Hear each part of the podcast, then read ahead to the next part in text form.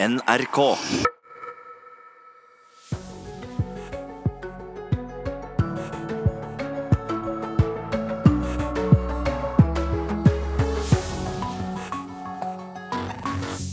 Nå innfrir Trumps regjering løftet om å trekke USA fra Parisavtalen. Det hele vil ta ett år, og en dag etter presidentvalget vil USA være ute av den viktige klimaavtalen. Trygdeskandalen har rystet Stortinget, men de folkevalgte har selv vedtatt innstramninger i trygdeordningene som strider mot EØS-reglene, mener en jusprofessor.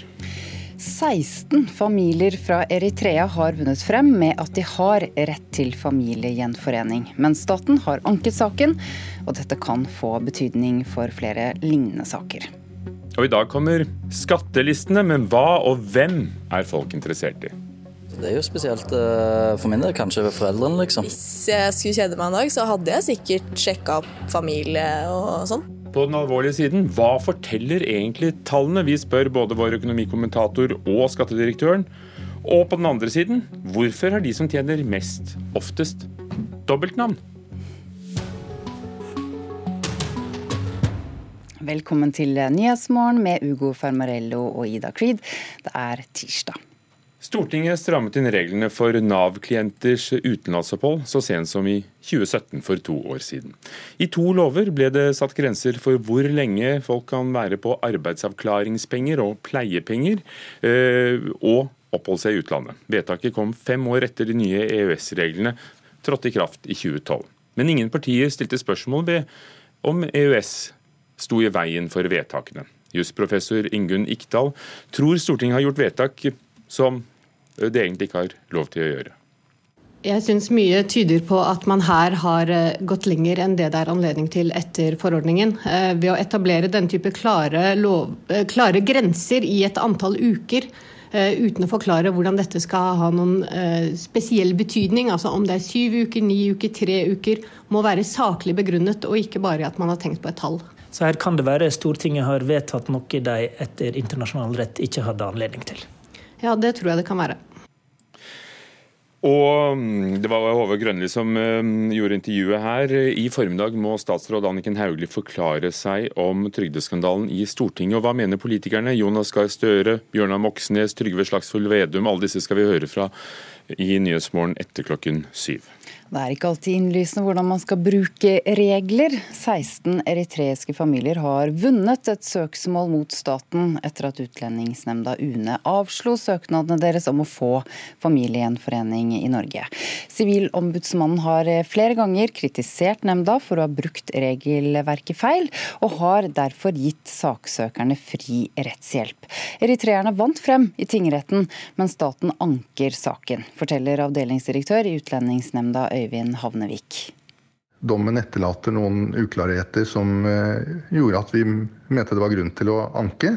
Og vi syns også at dommerens tilnærming er feil, når hun ikke drøfter hver enkelt sak konkret. I slutten av september i år avgjorde Oslo tingrett at Utlendingsnemndas vedtak i 16 saker som gjelder familieinnvandring, er ugyldige.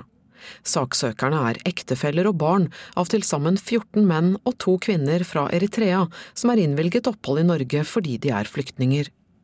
Retten mener nemndas, UNEs vedtak, er ugyldige fordi UNE ikke har tatt hensyn til at det er vanskelig for mange å omgå det eritreiske utreiseforbudet. Utlendingsmyndighetene har avslått søknadene om familiegjenforening, fordi de mener saksøkerne ikke har overholdt fristen med å møte personlig på en norsk utenriksstasjon innen ett år for å levere dokumentasjon. Mulugeta Bejene Haptejonas har ventet fem år i Norge på å bli gjenforent med kona og barna sine. Det livet er veldig, veldig dårlig fordi jeg tenker om familien min, og spesielt barna mine. Hapte Jonas bor i Trondheim og har tre barn. En jente og to gutter på henholdsvis 14, 13 og 11 år. Nå er kona og barna i Etiopias hovedstad Addis Abeba, men å komme seg ut fra Eritrea var ikke lett, forteller Hapte Jonas. Både kona og barna ble fengslet for å ha brutt utreiseforbudet, forteller han. De, de, de prøver ofte ganger, men en ganger to fanges på politi i Eritrea. Oslo tingrett er enig med Utlendingsnemnda i at en søknad først er levert når søker møter personlig på utenriksstasjonen, viser legitimasjon og leverer nødvendige dokumenter. Dette står i motstrid til Sivilombudsmannens syn, som i flere uttalelser har slått fast at søknaden må anses levert dersom den innen ett år er levert på nett og søknadsgebyret er betalt. Øyvind Havnevik i UNE sier de er tilfredse med at retten er enig med dem i dette. Det er slik at Vi er tilfreds med å få medhold, men vi har en eh, hva skal vi si, profesjonell og nøktern holdning til dette. Så det er, Jeg vil ikke sagt at vi fryder oss over det, men vi er glad for at vi fikk medhold, og det er det eh, som vi mener er riktig. Årsaken til at UNE likevel tapte saken, er at retten mener UNE har gjort en feil tolkning av vilkåret som handler om ting som er utenfor søkerens kontroll. Retten mener det eritreiske utreiseforbudet er et slikt forhold. Advokat Georg Skjerven Hansen fra advokatfirmaet Rolig representerer de 16 saksøkerne, og varsler motanke mot statens anke. Jeg representerer 22 barn i denne saken, i tillegg til de 16 voksne. Og dette er barn som bor eh, som flyktninger i tredjeland, som går glipp av skolegang, som går glipp av en oppvekst med familien i Norge, og som følgelig også ender opp antagelig da med å bli dårligere integrert når de omsider får komme hit. Da Sivilombudsmannen i fjor anbefalte søksmål mot UNE, anslo nemnda at det er ca. 300 saker som dreier seg om denne ettårsfristen. Reporter Kristine Næss Larsen. I går kveld kunne sykehuset fortelle at den 15 år gamle gutten som for litt under fire uker siden ble hardt skadet i en voldshendelse på Kapp i Østre Toten, er død. Den 15 år gamle gutten har siden 9. oktober vært innlagt på Ullevål sykehus med livstruende skader. I går bekreftet sykehuset at tenåringen er død. Guttens far ble etter voldshendelsen i familiens hjem på Kapp i Oppland siktet for drapsforsøk. Han er også siktet for seksuell omgang med barn under 14 år. Det er sønnen som er fornærmet, har politiet tidligere opplyst. Familiens bistandsadvokat Inger Marie Støen sier dødsfallet er svært belastende for de pårørende. Nei, dette er jo bare en forferdelig tragisk sak og har vært svært belastende for hele familien. Jeg kan ikke si noe mer egentlig sånn som situasjonen er nå, enn at uh, selvfølgelig alle er i dyp sorg, og at det er en tragedie. Politiet skal nå obdusere gutten og fortsetter gjenstående arbeid med etterforskningen. Ifølge politiet blir det i løpet av dagen i dag kjent om siktelsen mot guttens far blir utvidet. Sa reporter Line Fosser Fugt.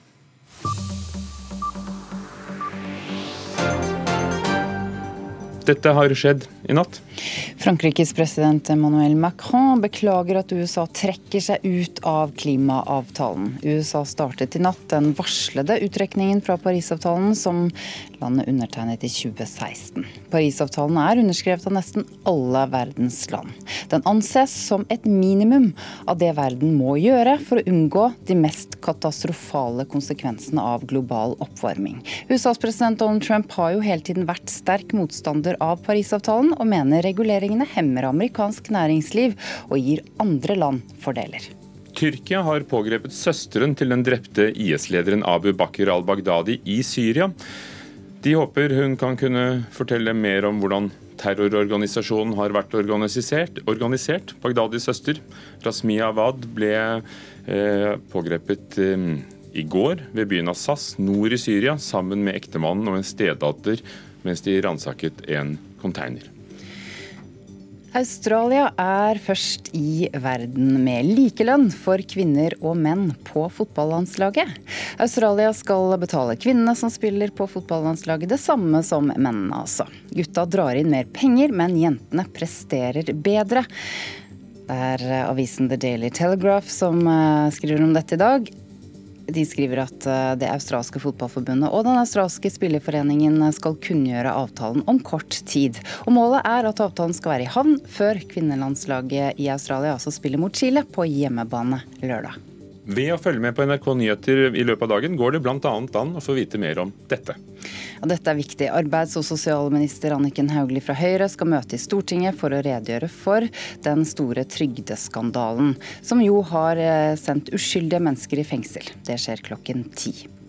Miljøorganisasjonens klimasøksmål mot staten behandles i lagmannsretten i dag. Greenpeace og Natur og Ungdom mener tillatelsene til å lete etter olje i Barentshavet strider mot Grunnlovens miljøparagraf, men tapte søksmålet mot staten i Oslo tingrett i 2017.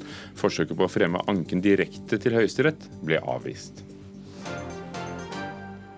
Selv om det ikke har falt et eneste snøfnugg ennå, så finnes det en vei som er vinterstengt, og de som bruker den, trodde det hele var en tidlig aprilspøk. Det sier i hvert fall Gunstein Førde fra Bjordal. Han er en av flere innbyggere i Bjordalen som fortviler etter at eh, fylkeskommunen bestemte seg for å vinterstenge veien mellom Bjordal og Matre i Sogn og Fjordane. Vi trodde nesten det var bare en spøk, men eh, bommene ble lagt ned 1.11. Det var det. Og det står at han ventes åpnes 1. mai. Gunstein Førde er en av flere innbyggere i den vesle bygda Bjordal som fortviler. Den 1. november ble nemlig veien mellom Bjordal og Matre stengt for vinteren. Dette til tross for at det ikke har kommet et eneste snøflak enda.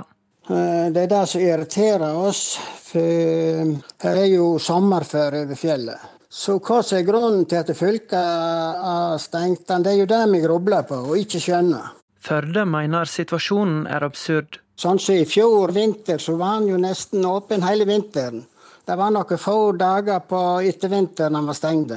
Og det har jo hendt flere ganger før at han har vært åpen fram til både februar og, mars. Stenginga betyr at flere av beboerne må kjøre store omveier. Jeg har vel ca. godt over tre mil til Matre. Skal jeg kjøre rundt, så har jeg ca. det doble. Hvor mange som råker, vet en ikke akkurat, men jeg regner med det gjelder og nesten hele Høyanger sørside. Dina Lefdal i fylkeskommunen forteller at vedtaket om å vinterstenge veien var tatt allerede i 2017.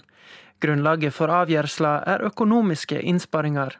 Bakgrunnen for dette er at vi hadde stor behandling i fylkestinget for noen år tilbake, rundt 2017, der en skulle se på ulike måter å spare penger på drifta til fylkeskommunen. Lefdal sier hun forstår irritasjonen til innbyggerne i Bjordal. Ja, nei, Jeg forstår innbyggerne veldig godt. Det er jo ikke så lett å forstå at veien er stengt når forholdene er så fine som de er i år.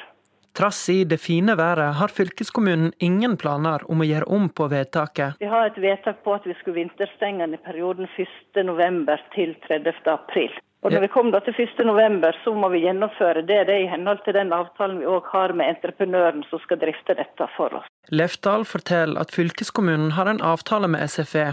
Anleggsarbeidere har fått nøkkel til bommen og kan komme og gå på eget ansvar.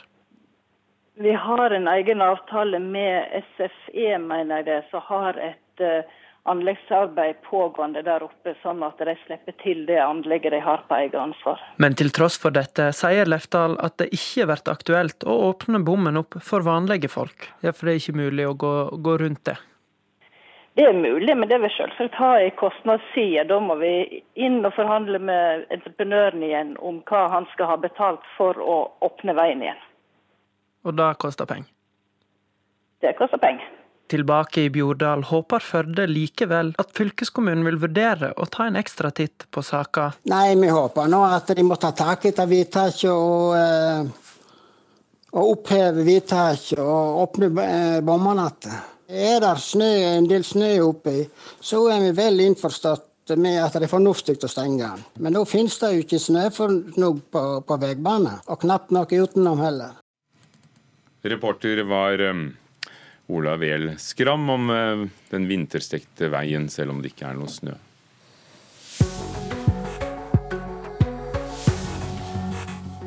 Klokken er 6.44. Dette er NRKs Nyhetsmorgen, og vi har disse sakene. Trygdeskandalen har jo rystet Stortinget, men folkevalgte har selv vedtatt trygdeinnstramninger i strid med EØS-reglene, hevder en jusprofessor. Dette skal vi høre mer om etter klokken syv her i Nyhetsmorgen. USA har nå formelt begynt arbeidet med å trekke seg fra klimaavtalen fra Paris. Arbeidet vil være fullført én dag etter valget. Staten tapte sak om familiegjenforening for 16 familier fra Eritrea, men anker, og denne saken kan få betydning for flere lignende forhold. Odd slo Mjøndalen i fotball i går, Hugo. Toppskårer i Eliteserien, Torgeir Børven, sto for to av målene, og så var han en viktig brikke i det tredje og avgjørende målet. Da Odd altså slo Mjøndalen 3-2 på hjemmebane. Dermed sikret også laget seg ganske viktige poeng i kampen om sølvet. Godt med tre poeng, sa Børven selv etter at det hele var over. Nei, Det var godt å kunne gå på banen og bidra igjen. Det var fryktelig å sitte på tribunen i semifinalen. Hvordan var det å vinne igjen nå etter en eh, litt tung periode for Odd? Nei, Det er godt å slå tilbake og ikke minst eh, ta vare på sjansen når eh, Bodø-Glimt og Rosenborg eh, avga poeng. Så det er godt å kunne ta tre poeng når det gjelder. Trass i at Mjøndalen ville mest i den første omgangen og gikk opp i teten to ganger i kampen, så mangler de måljegeren Torgeir Børven. Etter kveldens kamp står han med hele 20 nettkjenninger og er soleklar toppskårer i Eliteserien. Med tre poeng har Odd bare to poeng opp til Bodø-Glimt på sølvplass. Han betyr eh, litt mindre enn treneren. Han betyr mye, han. Det er klart Han er uh, flott gutt, veldig god spiller, uh, god i vårt system, kjenner klubben. Kjenner med spillerne osv. Så, videre, så han har jo alltid vært en veldig god fotballspiller, syns jeg. Skal Rosenborg og Bodø-Glimt møte hverandre? Hvordan ser du på muligheten nå til bronse og også kanskje sølv? Absolutt med i sølvkampen nå, fordi at de skal møtes. Bodø-Glimt skal møte Molde og Kristiansund, så vi må nok vinne et par kamper til, men gjør vi det, så har vi absolutt mulighet på sølv. Og trener Dag Eilef Fagermo kunne altså smile. For Mjøndalen er nedrykk enda nærmere en realitet. Laget er nest sist på tabellen, med like mange poeng som Ranheim på sisteplass. Til helga møtes de i det som blir en avgjørende kamp i nedrykksstriden, skal vi tru trener Vegard Hansen. Det var en mulighet for tre poeng i dag, det klarte vi ikke. Da er det en ny sjanse mot Ranheim som eh, er enda viktigere, fordi de ligger i bånn sammen med oss. Eh, og hjemme mot Ranheim så jeg har sett de uttaler at de må vinne kampen, og det tror jeg vi kan si også med, hjerte, med hånda på hjertet, at vi, vi, må vinne den matchen der. Så det blir, ligger an et stort drama på konsto til helga. Ja, blir det avgjørende for i hvert fall ett av lagene?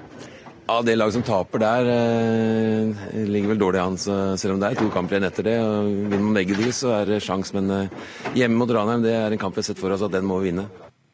Og Reportere var Frode Søreide og Tom Oli Buås etter at Odd slo Mjøndalen 3-2 altså i går eh, på stadion i Skien. L'accord de Paris pour le climat est accepté. Vi prøver å ikke si det for ofte, men dette var en historisk dag. 12.12.2015 i Paris, da verdens land ble enige om den globale klimaavtalen. Nå har USA formelt startet prosessen med å forlate den. Utenriksminister Mike Pompeo sa i går kveld at USA har gitt FN beskjed om at de eh, forlater Parisavtalen. Og utenriksmedarbeider Eivind Molde, hva betyr det i praksis? Det betyr at nå er den formelle dialogen oppretta mellom FN og USA, eh, som skal etter planen, USAs plan, ende med at eh, da USA er ute av avtalen. Og det vil da skje om nøyaktig ett år, som er dagen etter presidentvalget i USA i 2020. Er det tilfeldig? Ja, det er jo et interessant eh, sammentreff. Det blir jo interessant å se hvem som er president den dagen. Så Hvorfor eh, skriver eh, USA seg, eller hvorfor starter de formelt dette arbeidet akkurat nå? Det har ikke vært mulig å, å, å, gjøre det før. Det er jo sånn at som vi hørte her, avtalen, eh, Det var semje om denne avtalen i desember 2015, men det var 4.11. året etter, i 2016, at den var formelt godkjent eller såkalt ratifisert. Og Avtalen er slik at ingen kan gå ut av den i løpet av de tre første åra, altså etter 4.11.2016. Og Nå har vi jo akkurat eh, passert eh, den perioden, og dermed så er det jo da praktisk eh, mulig å begynne prosessen med å trekke seg ut. Og det er det USA nå vil gjøre. Donald Trump, President Donald Trump han annonserte jo dette allerede 1.6.2017. The United States will withdraw from the Paris Climate Accord ja, Det sa altså Trump allerede i 2017. Ehm, men hvilke argumenter bruker amerikanske myndigheter da fra, for å trekke seg? Det er jo først og fremst eh, økonomi. Eh, Trump sa det i denne kunngjøringa som vi hørte nå en liten bit av, at han mener eh, avtalen er økonomisk urettferdig for USA. Og Mike Pompeo gjentok dette i går kveld, da han eh, informerte FN om at de nå eh, vil gjennomføre dette. At eh, avtalen rammer USA hardere økonomisk enn andre land. Trump sa i 2017 at han gjerne kunne tenke seg en annen type avtale, som tok mer hensyn til og var mer tilpassa amerikansk industri. Så hva betyr det, hvilken betydning har det at et så stort land som USA trekker seg fra Parisavtalen? USA har i veldig mange år vært en veldig viktig pådriver i det internasjonale klimaarbeidet. Ikke minst i samband med de store årlige forhandlingsmøtene for å få framdrift i uh, det internasjonale arbeidet med tanke på å få f.eks. Parisavtalen på plass. Og Der var jo eh, president Barack Obama en veldig viktig eh, pådriver. Han ivra jo veldig for at den skulle bli en realitet. Så hvilke reaksjoner har kommet? Det er jo eh, slik at I USA så er det flertall for Parisavtalen. Og det er et veldig engasjement rundt om i veldig mange stater som går sin gang, uavhengig av, av Trump og den sentrale regjeringa Eh, sitt syn på dette. Eh, sånn at Reaksjonene er jo veldig negative på at dette nå faktisk skjer. Eh, og den franske presidenten Macron, som er i Kina akkurat nå, han har jo uttrykt i dag at han beklager at dette nå blir gjennomført. Takk utenriksmedarbeider Eivind Molde.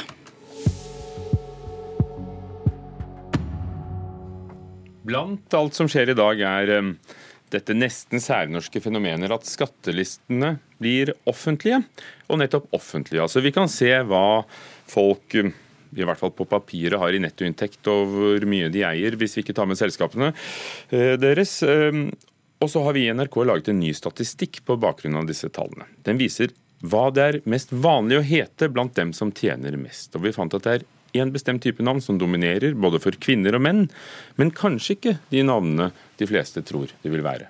Hva tror du er lurt å hete til fornavn hvis du skal være aller rikest nå for tida? Hva heter han Ringnes-fyren til fornavn, da? Berit Juliane Pedersen er en av de vi treffer når vi er ute og sjekker hva folk tror de med høyest gjennomsnittlig inntekt heter. Adrian. Heter du Adrian sjøl? Ja. det er fristende å si Preben, men det er sikkert uh, Fredrik. Berit Ørslien sier det mange tenker. Men det viser seg at svaret er langt fra Adrian og Preben. Overraska? Ja. I hvert fall over Pål Arne og Stein Roar. Hvor kom han fra? Pål Roar, Stein Ivar, Lars Helge og andre kombinasjoner. Det viser seg at de som tjener mest penger, veldig ofte har dobbeltnavn av denne typen. Og blant kvinner som tjener bra, finner vi Anne Katrine, Kjersti Marie eller Ellen Katrine gjør seg veldig godt. Ja, Ellen Katrine kan jeg være med på. Det tenker altså Erik Smestad. Men hvorfor er det sånn? Antagelig fordi det er en del folk fra Møre. Og der har alle dobbeltnavn. Det kan være fordi at uh, de er sikkert oppkalt etter begge besteforeldrene sine, da. Akkurat. Du er virkelig inne på noe her nå, Berit Juliane. For når var det vanlig å kalle opp barna etter begge besteforeldrene? Når var det alle ga ungene sine dobbeltnavn, spurte vi navneforsker Jørgen Oren. I gamle dager så var det mye vanligere med dobbeltnavn enn det er nå. I den perioden hvor disse menneskene som tjener mye var født, så var det oppi halvparten som hadde dobbeltnavn, mens nå er det bare en fjerdedel. Men hva har det med saken å gjøre, at folk på 50-tallet fikk dobbeltnavn? Veldig mange som, av de som er rike, er kanskje godt voksne. Bingo! Er det? Yes! Du har rett. Yes! Det var ikke verst. Du er den eneste som har gjetta det. Bra. Sier du det? Jeg heter Tor Petter, og jeg blir ikke rik. Undersøkelsen av navnene på de med høy inntekt viser altså at vil du gjerne ha høy inntekt, så lønner det seg å være godt opp i åra. For det er da du gjennomsnittlig tjener best. Men er du unggypling, så mener navneforskeren at det finnes håp likevel. Fordi at Når det går 50 år, så vil nok disse Lucassen og Askene og Birkene antakeligvis være minst like velstående som de andre på listen nå. Sa navneforsker Jørgen Oren hos Statistisk sentralbyrå, reporter Elisabeth Grøndal.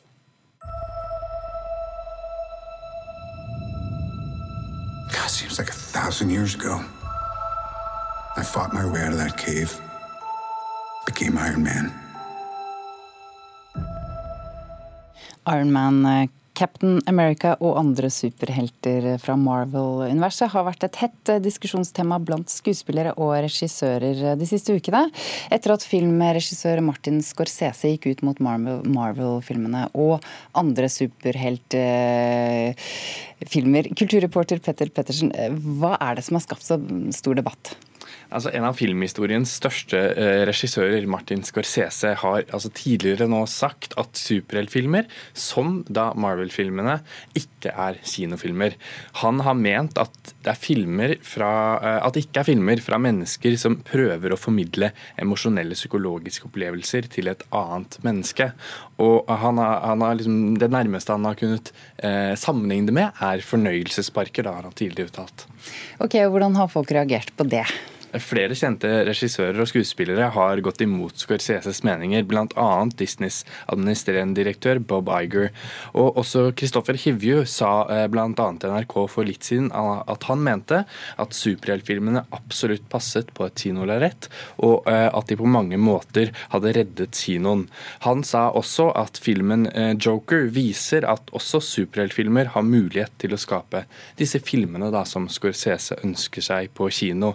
Og Marvels president har sagt at det kanskje er lett å avskjedige visuelle effekter og flygende mennesker eller romskip, men at han mye heller vil være eh, der i et rom fylt av engasjerte fans.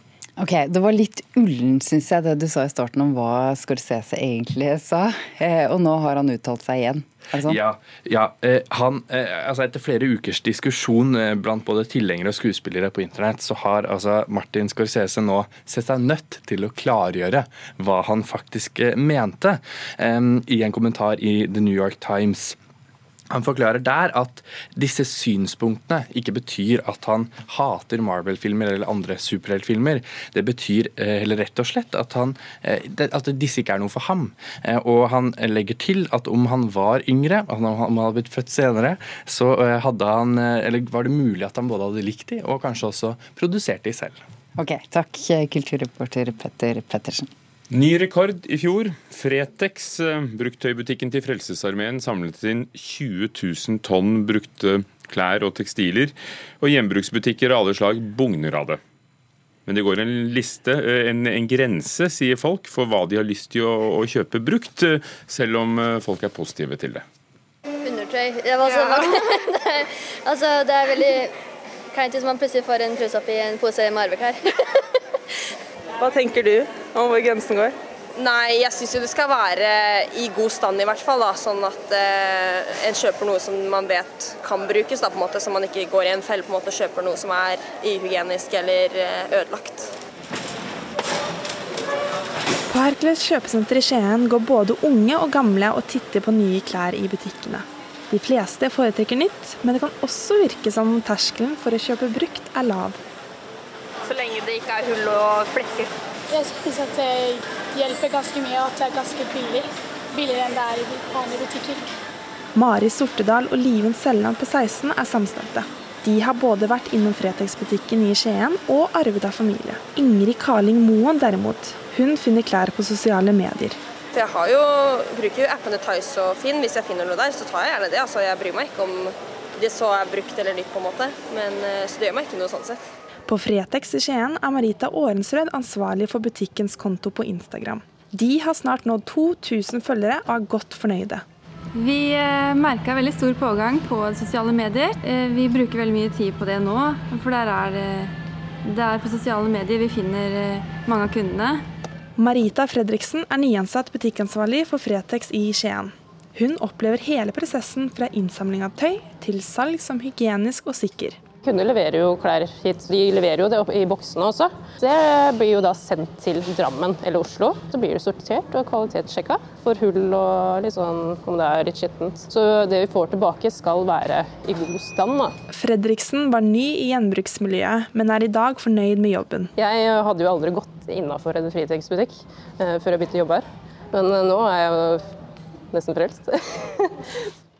Nesten frelst, ja, sa ansvarlig for Fretex. Um, eh, som jo eies av Frelsesarmeen. Reporter var Katrine Northug, og de samlet altså inn 20 000 tonn tøy i fjor. Hans Christian Holte han kommer hit på samme tid hvert år. Det er fordi han er skattedirektør, og i dag legges skattelistene frem. Han sitter utenfor. Vi skal straks få han inn. Au nom de nos principes laïques, de bien vouloir demander I våre sekulære prinsippers navn, ta av deg ditt islamske slør, sier en fransk lokalpolitiker til en mor som følger en skoleklasse til et fylkestingsmøte. I Verdibørsen i dag snakker vi om det ekstreme skillet mellom religion og politikk i Frankrike. Verdibørsen klokken 13 på NRK P2. Greit, rart eller privat, nå blir skattelistene lagde ut. Staten hadde ikke lov til å avslå søknader om familiegjenforening, slo tingretten fast. Nå anker staten. Her er NRK Dagsnytt klokka sju. Skattelistene er altså lagde fram, men går folk inn på lista og sjekker hva andre tjener? Ingen av de vi møtte på gata hadde planer om det. Jeg hadde ikke egentlig tenkt til å sjekke noen. Nei, I utgangspunktet så hadde jeg ikke noen planer om det. Men hvis du skulle ha sjekka noen, hvem ville ha vært det første navnet du eh, plotta inn? Sikkert en eller annen kjendis eller noe sånt. Så det er jo spesielt uh, for min del, kanskje foreldrene, liksom. Hvor du kunne se liksom, skattelister på de. Hvis jeg skulle kjede meg en dag, så hadde jeg sikkert sjekka opp familie og sånn. Ja, hva du tenker om at uh, man faktisk kan gå inn og sjekke hva andre tjener gjennom skatteliste? Jeg syns det er egentlig litt greit. Jeg syns egentlig det er litt rart. Hvorfor skal man vite det, egentlig? Reporter her, det var Sindre Auståker Johansen, og du kan lese mer om hva skattelistene viser på våre nettsider nrk.no. 16 familier fra Eritrea har vunnet et søksmål mot staten etter at Utlendingsnemnda avslo søknaden der om familiegjenforening i Norge. Sivilombudsmannen har flere ganger kritisert nemnda for å bruke regelverket feil, og har derfor gitt saksøkerne fri rettshjelp. Eritreerne vant fram i tingretten, men staten har valgt å anke. Det sier Øyvind Havnevik, som er avdelingsdirektør i Utlendingsnemnda. Ombudsmannen har vært tydelig, men akkurat på det punktet som han var opptatt av, så har vi jo medhold, og, fått medhold, og det er et annet grunnlag som vi anker på. Og Grunnen til at vi anker, det er jo fordi dommen gir på en måte blankofullmakt til alle eritreere som ønsker å komme til Norge på familiegjenforening, på en måte slik at de ikke trenger å, å forholde seg til ettårsfristen. Og det syns ikke vi er riktig. Vi må vurdere hver enkelt sak konkret av hensyn til å behandle søkere fra alle land likt, og også fordi vi trenger å vite hvordan vi skal behandle fremtidige søknader fra Eritrea. Ja, Det sa Øyvind Havnevik i Utlendingsnemnda. Styresmaktene i Tyrkia har arrestert søstera til den drepne IS-lederen Abu Bakr al-Baghdadi.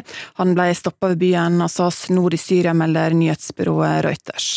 Tyrkia håper hun skal fortelle dem om terrororganisasjonen IS, og at de således skal få ny informasjon om hvordan de har operert. Broren, som altså leder gruppa, ble drept i forrige uke under en amerikansk angrep nord i Syria. Det var NRK Dagsnytt ved Ingvild Ryssdal.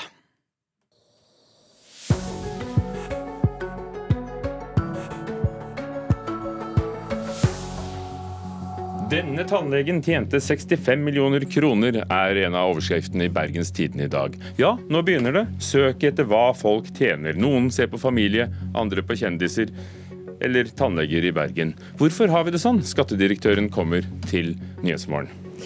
Stortinget vedtok så sent som for to år siden lover som strider mot EØS-reglene. Ja, nå kommer Senterpartiets leder på banen og mener dette krever en helt spesiell behandling. Forrige gang vi fikk ny riksadvokat var for over 20 år siden, så vi kan like gjerne, gjerne lære oss navnet først som sist. Jørn Maurud, ny riksadvokat fra og med i går, kommer hit ganske snart. I dag kommer statsråd Anniken Hauglie til Stortinget for å forklare hvordan Nav-skandalen kunne skje. Det skjer klokken ti. Navs krav om at folk som mottar forskjellige typer ytelser må oppholde seg i Norge, har vært i strid med EØS-reglene siden 2012. Men Stortinget vedtok selv innstramninger for utenlandsopphold i to lover så sent som i 2017, for to år siden.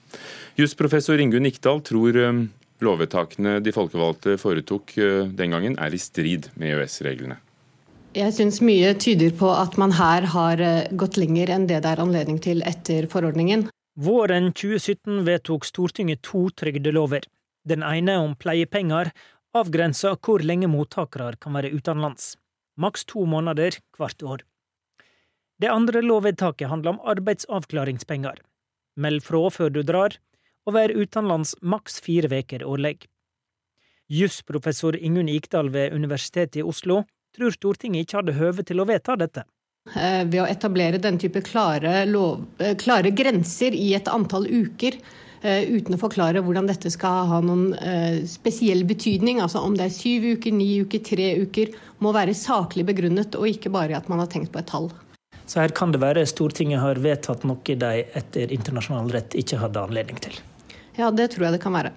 NRK har snakka med mange som var med på stortingsbehandlinga. Ingenting tyder på at politikerne vurderte om innskrenkingene var lovlige etter EØS-reglene. Nei, for Det var ikke det som var tema da vi behandlet den saken. Da vi behandlet den saken var det hvordan vi kan lage en trygdeordning som hjelper folk raskere tilbake inn i arbeidslivet sier Høyres Stefan Heggelund, som satt i arbeids- og sosialkomiteen i 2017. Ap-leder Jonas Gahr Støre sier dette. Formuleringene er jo tydelige her. Eh, man har vedtatt eh, innskrenkninger, og det kan se ut som de var i strid med det regelverket som gjaldt. Trygdeskandalen handler om at Nav har praktisert regler i strid med det Norge har forplikta seg til gjennom EØS-avtalen. Men lovvedtakene i 2017 viser trolig at heller ikke Stortinget har tatt inn over seg hva EØS-avtalen betyr, nemlig at folk kan reise fritt som et utgangspunkt.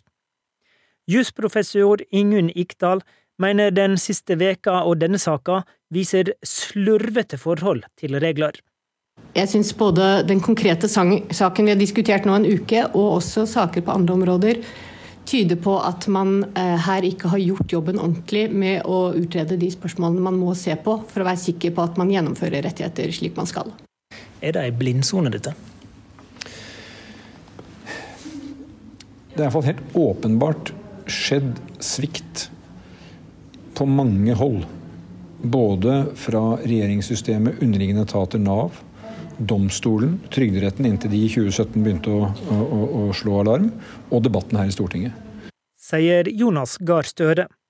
FrPs Erlend Wiborg satt i arbeids- og sosialkomiteen på Stortinget den gangen, og leder samme komité nå. Nei, Vi tok jo utgangspunkt eh, i at eh, den praksisen man hadde, eh, var riktig og lovlig. Han oppsummerer det kanskje greit. Alle bør gå i seg selv. Reporter Håvard Grønli og Anne Cecilie Remen. Senterpartileder Trygve Slagsvold Vedum mener lovvedtakene i 2017 er et eksempel på, trygde, på trygdeskandalen er en sak som trenger en helt spesiell eh, behandling. Vedum sier saken ikke passer for statsråd Jakt, og tar til orde for at Stortinget setter ned en egen komité som behandler eh, dette. Det illustrerer jo at her er det mange som har ansvar. Det har blitt gått runder i Stortinget, det har blitt gått runder i regjering, det har blitt gått runder i rettsapparat, som hver for seg har hvilt på feil uh, grunnlag. Og så er Problemet er jo at det er enkeltpersoner som har blitt ramma, som har blitt uskyldig dømt. Og det må en rydde opp i så fort som overhodet mulig. Og det viktigste nå i dag er at vi skal presse statsråden til å ha full framdrift på det ikke ha diskusjon om hennes politiske framtid. Det viktigste nå er de menneskene som har blitt ramma, og at det må ryddes opp så fort som mulig. Og så får vi diskutere eh, framtidig lovgivning og hvordan vi skal rammes inn framover i etterkant av det. Ja, trygdeskandalen er tema i Politisk kvarter i dag, Lilla Sølvsvik. Ja, to timer før arbeids- og sosialminister Anniken Hauglie kommer til Stortinget, så har vi samla en del av dem som forventer å få mange svar i dag. Hvordan kunne det skje, hvorfor har ingen reagert før, og hvorfor ble trygdemottakere dømt til fengsel lenge etter at Trygderetten hadde varsla om at dette var helt feil. Eh, nå hører vi jo at opposisjonen er rimelig delt i hvordan man skal reagere. Eh, Slagsvold Vedum han snakker om en egen komité. Eh, den som kommer til, stort, nei, til Politisk kvarter i dag, det er Ap-leder Jonas Gahr Støre. Han vil ha en ekstern gransking. Mens Rødt og Bjørnar Moxnes de går og rasler med sablene og snakker om mistillit. Vi får høre hvilke svar de forventer seg som eh, kanskje kan redde Anniken Hauglie fra å få mistillit fra f.eks. Rødt. Men eh, det ble jo også litt spennende å, å, spørre dem da. Det er jo mange som ikke har sett noe som helst her, så Hvem er egentlig villig til å kaste den første og største steinen, og hvem skal de kaste den på? Det at uh, arbeids- og sosialminister Anniken Hauglie kommer til Stortinget i dag og, skal um, snakke om denne skandalen, det er i hvert fall dagens uh, store sak, og også da også i Politisk kvarter, som kommer som vanlig klokken 7.45. Noen fikk eh, skatteoppgjør allerede på forsommeren, men det er først i dag at alle, også næringsdrivende, har fått eh, skatteoppgjøret. og I går ble det kjent 600 milliarder kroner har skatteetaten samlet inn i skatter og avgifter. Og så er det det i Norge at det går an å, å sjekke hva, hva, folk eh, har tjent, hvor stor formue de har. Og har folk planer om det? Jeg har egentlig ikke tenkt å gjøre det, nei. Ja, jeg har egentlig ikke så behov for å være nosy i andre sine ting. Eh, jeg hadde ikke egentlig tenkt til å sjekke noen. Nei, I utgangspunktet så hadde jeg ikke noen planer om det. Men hvis du skulle ha sjekka noen, hvem ville ha vært det første navnet du eh, plotta inn? Sikkert en eller annen kjendis eller noe sånt. Så Det er jo spesielt uh, for min del, kanskje ved foreldrene, liksom. Hvor du kunne se liksom, skattelister på de. Hvis jeg skulle kjede meg en dag, så hadde jeg sikkert sjekka opp familie og sånn. Ja, hva du tenker om at uh, man faktisk kan gå inn og sjekke hva andre tjener gjennom skatteliste? Jeg syns det er egentlig litt greit. Jeg syns egentlig det er litt rart. Hvorfor skal man vite det, egentlig? Det er jo litt sånn privat tema, egentlig. Det er jo ikke alle som går og sier hva de tjener, og, og da sier hvor mye man skatter. Det er jo litt privat, men for min del så tror jeg ikke jeg hadde brydd meg så mye om det. Men jeg kan skjønne at folk ikke syns det er helt greit. Sindre Austokker Johansen eh, hadde samlet inn disse, disse meningene. Hans Christian Holte, skattedirektør, god morgen. God morgen, ja. Det er ganske enestående det i Norge at uh, skattelistene er åpne, og, og, veldig åpne. At ikke bare pressen, men alle kan, eh, kan sjekke. Uh, hva har det for seg, mener du? Jeg tenker at Det gir en balanse, det at disse listene er åpne, men samtidig at man må logge seg inn for å søke. Da er det ikke sånn helt åpent, slik at det bare kan eh, snukkes rundt i uten noen spor, men det er allikevel i muligheten for eh, å følge litt med på utviklingen i norsk økonomi. Det kan være ulike trekk. Likestillingsspørsmål er et eksempel på noe som dere i NRK har tatt opp eh, basert på informasjon i skattelistene. For det var jo en periode mellom den perioden hvor man måtte gå ned på ligningskontoret og bla i enorme eh, lister fysisk, og før det kom det at du måtte lage deg inn, at det var mye diskusjon om hvor åpent det skulle være. Mener du at det er den riktige balansen nå? Jeg tenker det er en god balanse. Og det er som du sier, det var eh, en periode hvor dette var helt åpent. Eh, det må jo sies at antall søk eh, falt til omtrent en tidel eh, da man måtte logge seg inn og identifisere seg når søkene kom. Men det vi så før denne innskjerpelsen, kan du si, det var at det dukket opp alle mulige apper. Du kunne gå gjennom en gate i et boligstrøk og se hvor mye tjener de på hver side av veien her nå. Altså Det var en, en, utvikling som kanskje ikke var helt heldig. Men jeg tenker balansen i dag er, er, bedre. Og Hva forteller egentlig tallene? Forteller det egentlig hvor mye en navngitt person eh, tjener det tallet som står i listen? Ja, Det er jo med visse modifikasjoner. da, fordi at Det er jo netto inntekt og netto formue. Så type gjeld, store fradrag, den type ting, det vil eh, kunne gi utslag som gjør at ikke hele bildet er gitt med, med disse tallene som står der. Så Hvis vi ikke snakker om de store samfunnsforholdene, men dem vi hørte fra her, som kanskje pønsket på å, å se hva foreldrene tjente, vil de gi et riktig bilde? De vil vel få en indikasjon, eh, og så, så, må man som sagt ta det med en liten klype salt, eh, de opplysningene som ligger her. Det er jo tydelig at, eh, at dere har suksess i arbeidet. Når 600 milliarder kroner er samlet inn i, i, i skatter og, og, avgifter, altså ikke absolutt alle former for det, men en, en god del av dem. Men hvor er det dere fortsatt har noe å hente? Altså, Hvor er den svarte økonomien i Norge? Vi jobber ganske målretta mot eh, en del av arbeidslivet og noen bransjer, f.eks. bygg og anlegg. Det er en del servicenæringer, eh, bilpleie, eh, som vi har gjort i en del år, og hvor vi ser at det er møysommelig arbeid å virkelig få full seriøsitet for alle som er inne. Så Der har vi godt samarbeid med både bransjen, med politi, med andre kontrollmyndigheter, men der er det fortsatt noe å gjøre. Det er fortsatt innslag av svart arbeid og andre former for unndragelser i noen av disse bransjene. Hvor mye penger tror du Norge egentlig skulle tatt inn, hvis alt var etter boken og alle hadde tipp topp skattemoral? Det, det, ligger jo litt i, i, sakens natur her at det er veldig vanskelig å bli presis på det tallet. Men, Men, dere har vel gjort noen antakelser? Det har vi. det har vi, Og det vi ser er sånn eh, anslagsvis et sted mellom 40 og 60 milliarder kroner. Det er et anslag vi har gjort når det gjelder den, eh, den svarte økonomien i Norge. Så opptil 10 altså? Ja, nå er jo eh, Totaliteten i statsbudsjettet når du tar med MVA og du tar med særavgifter og oljeskatt, eh, det er ca. Eh, 1400 milliarder, og ikke disse 500-600 eh, som, eh, som, nå ligger der. Eh, men allikevel så er det en betydelig andel. På en dag som denne så er det kanskje nyttig å minne om at det er ikke lenger sånn at vi behøver å, å klage hvis vi, vi ser at noe har vært feil. Nei, det er nesten sånn at jeg kunne si slutt å klage. Altså, fordi at det fordi dere orker ikke å behandle alle de klagene?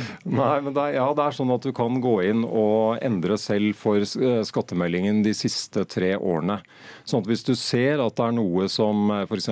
et stort fradrag du har glemt, eller det er noe med inntekten din som ikke stemmer, så kan du gå inn En stor inntekt du glemte? Ja, f.eks.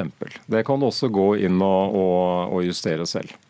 og Hva skjer da hos dere? Er det noen som går inn og sjekker, eller tikker maskinene?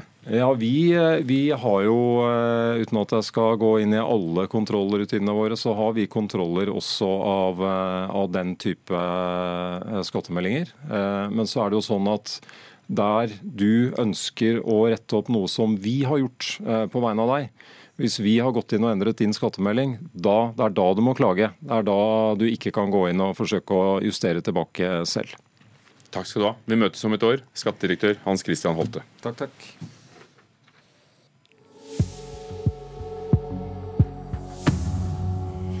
Klokken er 16 minutter over syv. Ja, Trygdeskandalen har rystet Stortinget, men Stortinget har selv vedtatt trygdeinnstramninger i strid med EØS-reglene, mener en jusprofessor vi har snakket med her i Nyhetsmorgen i dag. USA har begynt arbeidet med å trekke seg fra klimaavtalen i eh, Paris. Jobben vil være fullført én dag etter valget. Hva viser skattelistene? Vi kommer tilbake til det litt senere. Og til et ektepar i Steinkjer som må betale bompenger på fylkesveien, selv om de bruker 9,5 meter av veien. I går startet han i ny jobb, en av de viktigste i landet. Nå er du hos oss. God morgen, riksadvokat Jørn Sigurd Maurud. Takk skal du ha. Det kom jo en liten bombe uken før du skulle begynne i denne jobben. Trygdemottakere er feilaktig dømt for svindel, og noen av dem har til og med sittet i fengsel uten grunn. Hva tenkte du da omfanget av denne saken gikk opp for deg? Det tok noen dager før omfanget gikk opp for meg, og jeg vet ikke om omfanget helt har gått opp for oss enda. Det er jo blant de ting som eh, noen skal eh, gå nærmere i søvne. Men eh, blant de ting jeg da tenkte på, var jo at eh, min eh, samboer eh, var arbeidsminister på det tidspunkt hvor, hvor denne forskriften ble gitt. Ja, Du har også erklært deg inhabil i trygdesaken, fordi som du sier, samboeren din Hanne Bjurstrøm var arbeidsminister da i 2012, da disse EØS-forskriftene ble innført.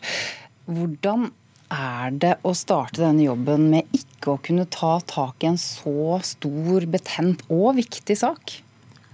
Det var jo ikke helt slik jeg hadde sett for meg min første dag på, på jobb. Men uh, samtidig så er dette en så um, potensielt omfattende og alvorlig sak at uh, det er avgjørende viktig for meg at ikke det blir noe Eh, spørsmål i ettertid om eh, håndteringen av denne saken. For det er helt åpenbart at deler av denne saken må behandles eh, ved Riksadvokatembetets kontor. og og der er jeg da leder.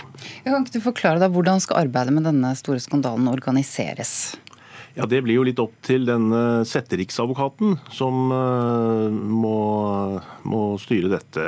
Og Jeg har ikke tenkt å legge meg opp i hvordan dette verken skal organiseres eller gjennomføres. men Men det må utnevnes eller oppnevnes en setteriksadvokat til å håndtere disse sakene. Og, og, hvordan det arbeidet da skal legges opp, det, det må denne personen uh, få lov til å styre.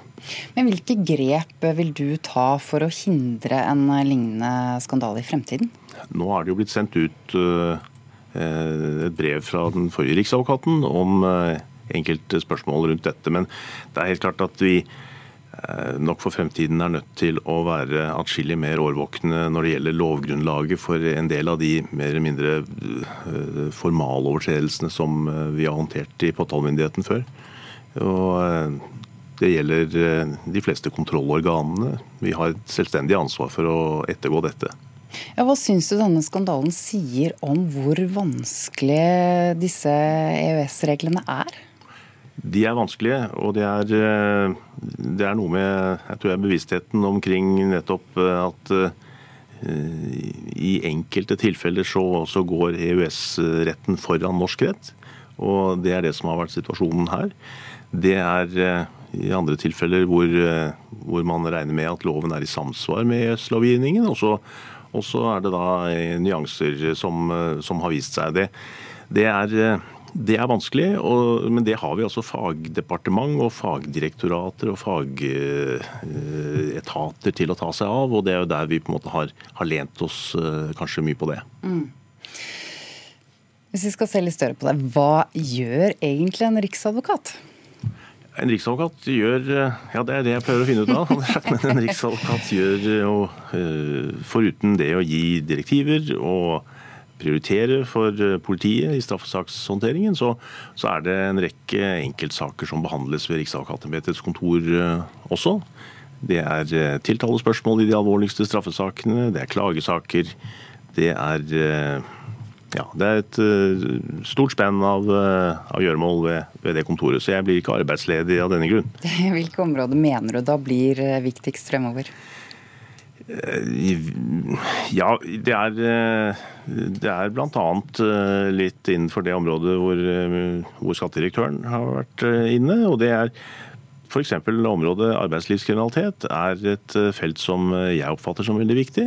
Og så er jeg selvfølgelig også opptatt av å videreføre det som gjelder overgrep mot barn, mot kvinner, nettovergrep, den slags. Det er vi nødt til å konsentrere oss enda mer om. Hvordan vil du sette ditt preg på dette? Eh, det har jeg ikke helt funnet ut ennå. Det må jeg nesten få, få, eh, ta litt tid til hjelp før jeg kan si jeg eh, finner et område hvor jeg ønsker å sette noe preg. Men, Men du har i hvert fall sagt til Aftenposten tidligere at du ønsker kontinuitet. Hva mener du med det? Jo, og det er fordi arbeidet som skjer ved Riksadvokatembetet i dag, og arbeidet i den høyere påtalemyndighet, det er, det, det er veldig godt. Resultatene der er veldig gode. Kvaliteten på arbeidet er høy. Eh, så Derfor er det viktig å ikke gjøre noe som, eh, som avdemper det. Jeg vil videreføre det arbeidet. Og så er det jo klart at etaten må også utvikle seg i takt med, med, med kriminaliteten. Forgjengeren din eh, satt eh, i 22 år. Eh, hvor lenge tror du du kommer til å sitte?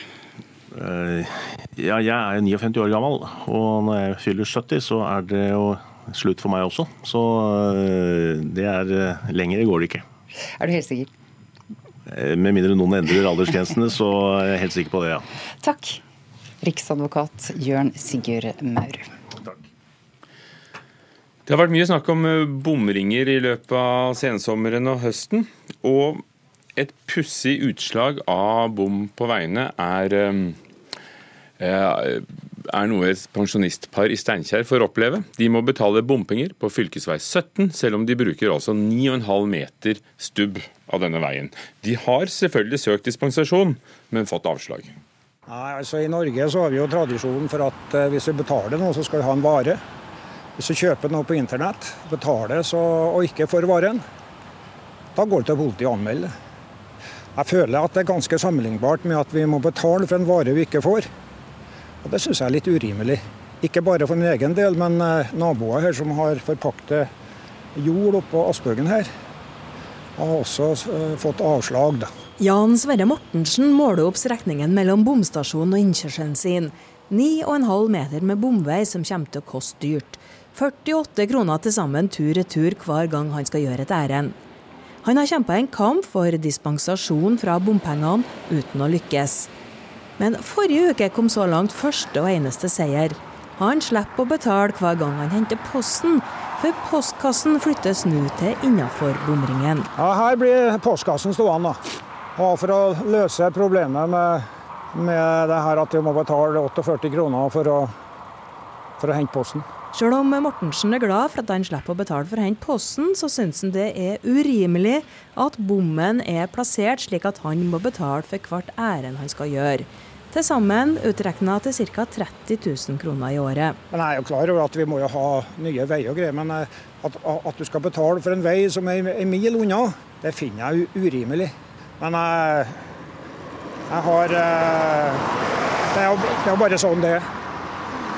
Hva tenker du om at det, at det slår ut så urettferdig for, eh, for dere?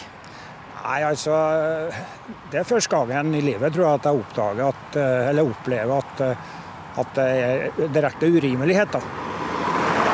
Men det er ikke bare meg, for all del. Det er jo mange her som er, som er ramma av dette. her. da. Bomstasjonen er plassert der den står etter politiske vedtak i kommunene som sokner til rv. 17-prosjektet. Det sier Knut Sunde i Trøndelag fylkeskommune. Han er ansvarlig for utbygginga. Uansett eh, hvordan man plasserer en bom, blir det aldri helt rettferdig. Men erfaring viser at frustrasjonen går over når folk får se hvor fint det blir, sier Sunne. Prosjektleder for veiutbygginga i Statens vegvesen, Jobert Brønstad, sier at Vegvesenet bygger prosjektet på vegne av fylkeskommunen, og at Vegvesenet ikke har noe ansvar for hvor bomstasjonene står. Nei, Bompengeplasseringa er jo med bakgrunn i en bompengesøknad som er utarbeidet og er behandla i Stortinget. og det, Den bygger jo på lokalpolitiske vedtak i både Verran og Steinkjer kommune.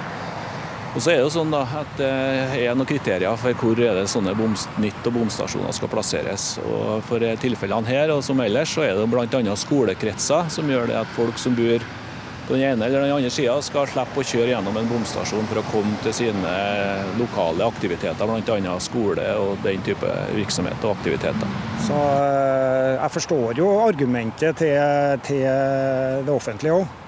Det er snakk om skolekretser her og, og greier.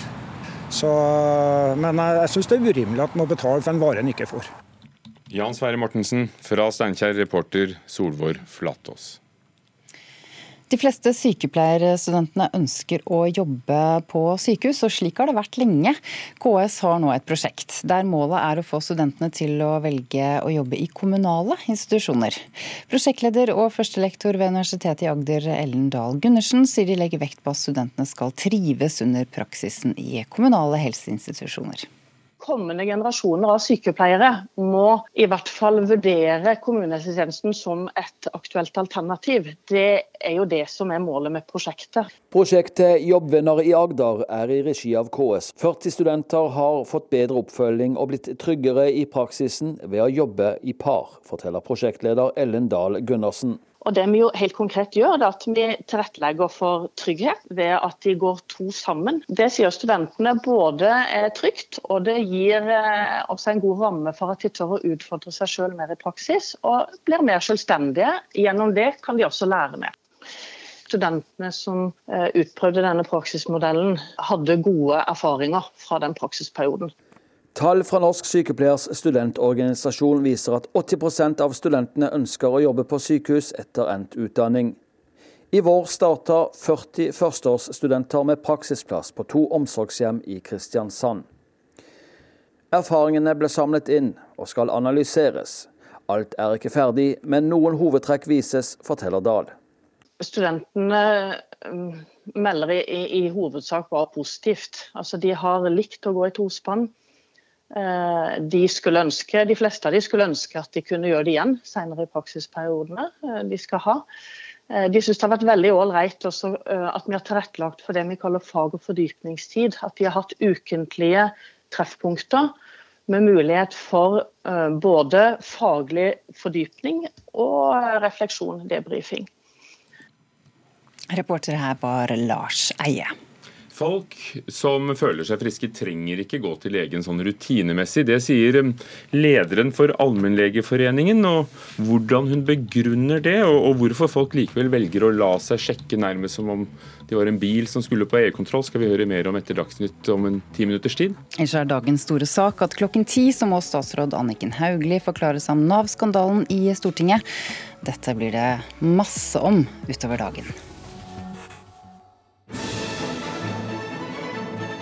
NRK P2 Kulturstripa. Tenk at den åttende mest brukte klassiske sangeren i hele verden er fra Bjarkøy! Den norske sopranen Hamida Christoffersen kommer til Kulturstripa for å fortelle om en oppvekst som er alt annet enn klassisk, om å takle stress, og om hva som er sjarmen med Carmen.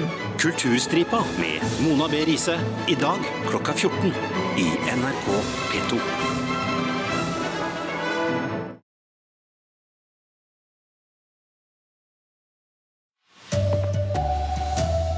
Trygdeskandalen ryster politikerne, men Stortinget har sjøl vedtatt trygdeinnstramminger i strid med EØS-reglene, mener jusprofessor. I dag, Nå er skattelistene lagd ut, men ikke alle hiver seg over tastaturet for å sjekke hva andre tjener. Jeg syns egentlig det er litt rart. Hvorfor skal man vite det, egentlig? De fleste sier ja til gjenbruk, men hvor går grensa? Her er NRK Dagsnytt klokka 7.30. I dag kommer statsråd Anniken Hauglie til Stortinget for å forklare hvordan trygdeskandalen kunne skje. Kravene fra Nav om at folk som mottar ulik støtte må oppholde seg i Norge, har vært i strid med EØS-reglene siden 2012. Men Stortinget vedtok selv innstramminger for utenlandsopphold i to lovvedtak så sent som i 2017. Jusprofessor Ingunn Ikdal tror lovvedtakene nasjonalforsamlinga gjorde da, er i strid med EØS-reglene. Jeg syns mye tyder på at man her har eh, gått lenger enn det det er anledning til etter forordningen. Våren 2017 vedtok Stortinget to trygdelover. Den ene om pleiepenger avgrenser hvor lenge mottakere kan være utenlands. Maks to måneder hvert år. Det andre lovvedtaket handler om arbeidsavklaringspenger. Meld fra før du drar, og vær utenlands maks fire uker årlig. Jusprofessor Ingunn Ikdal ved Universitetet i Oslo tror Stortinget ikke hadde høve til å vedta dette. Eh, ved å etablere den type klare, lov, eh, klare grenser i et antall uker, eh, uten å forklare hvordan dette skal ha noen spesiell betydning, altså om det er syv uker, ni uker, tre uker, må være saklig begrunnet, og ikke bare at man har tenkt på et tall. Så her kan det være Stortinget har vedtatt noe de etter internasjonal rett ikke hadde anledning til. Ja, det tror jeg det kan være. NRK har snakka med mange som var med på stortingsbehandlinga. Ingenting tyder på at politikerne vurderte om innskrenkingene var lovlige etter EØS-reglene. Nei, for Det var ikke det som var tema da vi behandlet den saken. Da vi behandlet den saken var det hvordan vi kan lage en trygdeordning som hjelper folk raskere tilbake inn i arbeidslivet. Sier Høyres Stefan Heggelund, som satt i arbeids- og sosialkomiteen i 2017. Ap-leder Jonas Gahr Støre sier dette. Formuleringen er jo tydelig her. Eh, man har vedtatt eh, innskrenkninger, og det kan se ut som de var i strid med det regelverket som gjaldt. FrPs Erlend Wiborg satt i arbeids- og sosialkomiteen på Stortinget den gangen, og leder samme komité nå. Han oppsummerer det kanskje greit. Alle bør gå i seg selv. Reportere her var Håvard Grønli og Anne Cecilie Remen. Nå er skattelistene lagd ut, og det er altså skattelistene for eh, fjoråret, økonomireporter Selma Joner. Ja, klokken sju i dag ble de altså offentliggjort. Så nå kan du og jeg snoke i økonomien til sjefen, naboer og kjendiser for å finne ut hvor mye de hadde i inntekt i fjor. I tillegg kan du finne ut hvor mye de betalte i skatt, og hvor stor formue de står oppført med. Hvem er Norges rikeste? Ja, det er jo det som er det store spørsmålet. Det er Trond Moen som troner øverst på listen over de som tjente mest i 2018. Han hadde en inntekt på 443,2 millioner kroner. Og på andre- og tredjeplass så finner vi Bjørn Strei og Jan Tellef Torleifsson. Men så er det ikke alt disse listene viser? Nei, listene viser altså ikke hele sannheten. For mange kan nemlig ha en stor formue uten at det vises i tallene. I praksis så kan man eie både et eh, gjeldsfritt hus og hytte uten at det vises i formuesskatten på skattelistene. Og Grunnen til dette er at det er ikke hele verdien som legges til grunn når skatten skal beregnes. Og formue er ikke det samme som penger. og det vil si at det viktigste av en formue kan være i eiendeler i en bedrift, som f.eks. maskiner eller lagerbygninger.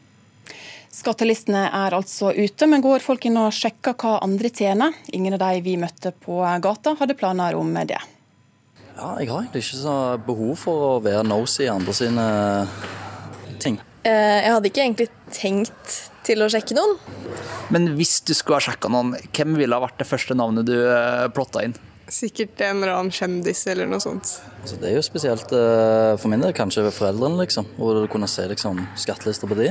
Ja, hva du tenker om at man faktisk kan gå inn og sjekke hva andre tjener gjennom skatteliste? Jeg syns det er egentlig litt greit. Jeg syns egentlig det er litt rart. Hvorfor skal man vite det, egentlig?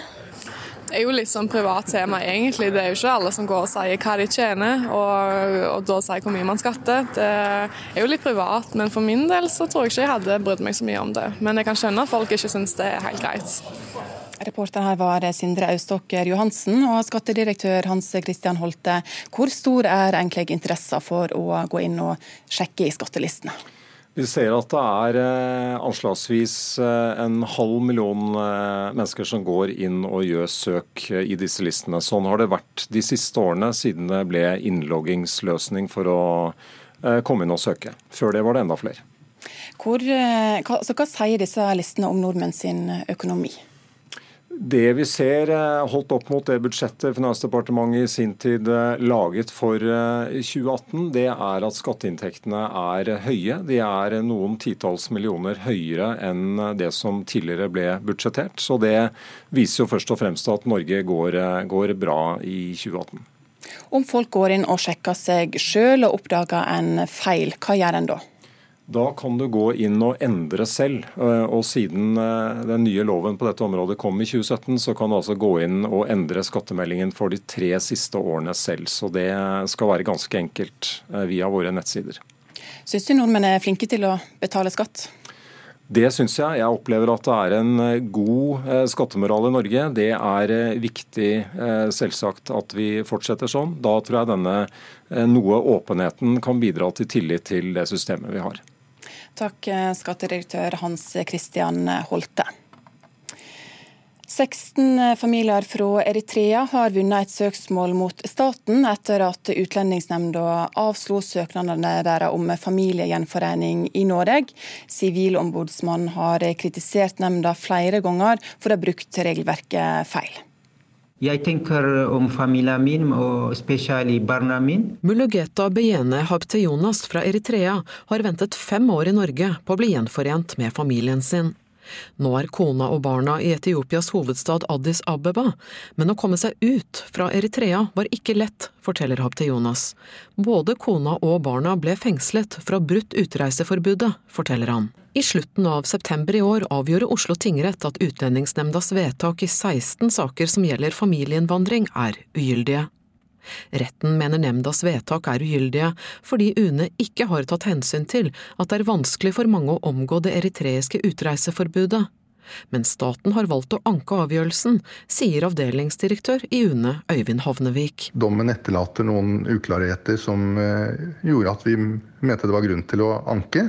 Advokat Georg Skjerven Hansen representerer de 16 saksøkerne, og varsler motanke mot staten. Jeg representerer 22 barn i denne saken, i tillegg til de 16 voksne. Og dette er barn som bor eh, som flyktninger i tredjeland, som går glipp av skolegang, som går glipp av en oppvekst med familien i Norge. Reporter var Kristine Næss Larsen. Styresmakten i Tyrkia har arrestert søstera til den drepne IS-lederen Abu Bakr al-Baghdadi. Hun ble stoppa ved byen Assas nord i Syria, melder nyhetsbyrået Reuters. Tyrkia håper hun skal fortelle dem om terrororganisasjonen IS. Gjenbruksbutikkene bugner av klær og tekstiler. Bare Fretex alene samla inn rekordmye tøy i fjor, hele 20 000 tonn. Og mange er positive til gjenbruk, men én plass går det ei tydelig grense. Undertøy. Det, var så, det, er, altså, det er veldig kleint hvis man plutselig får en truse oppi en pose med arveklær. På Hercules kjøpesenter i Skien går både unge og gamle og titter på nye klær i butikkene. De fleste foretrekker nytt, men det kan også virke som terskelen for å kjøpe brukt er lav. Så lenge det ikke er hull og flekker. Jeg syns at det hjelper ganske mye, og at det er ganske billig. Billigere enn det er i vanlige butikker. Mari Sortedal og Liven Selland på 16 er samstemte. De har både vært innom Fretex-butikken i Skien og arvet av familie. Ingrid Karling Moen derimot, hun finner klær på sosiale medier. Jeg har jo, bruker jo appene Tice og Finn. Hvis jeg finner noe der, så tar jeg gjerne det. Altså, jeg bryr meg ikke om det så er brukt eller nytt. på en måte. Marita Fredriksen er nyansatt butikkansvarlig for Fretex i Skien. Hun opplever hele prosessen fra innsamling av tøy til salg som hygienisk og sikker. Kunder leverer jo klær hit, de leverer jo det i boksene også. Det blir jo da sendt til Drammen eller Oslo. Så blir det sortert og kvalitetssjekka for hull og litt sånn om det er litt skittent. Så det vi får tilbake skal være i god stand. da. Reporter var Katrine Northug. Ansvarlig for denne sendinga var Anne Skårseth. I studio Ingvild Ryssdal.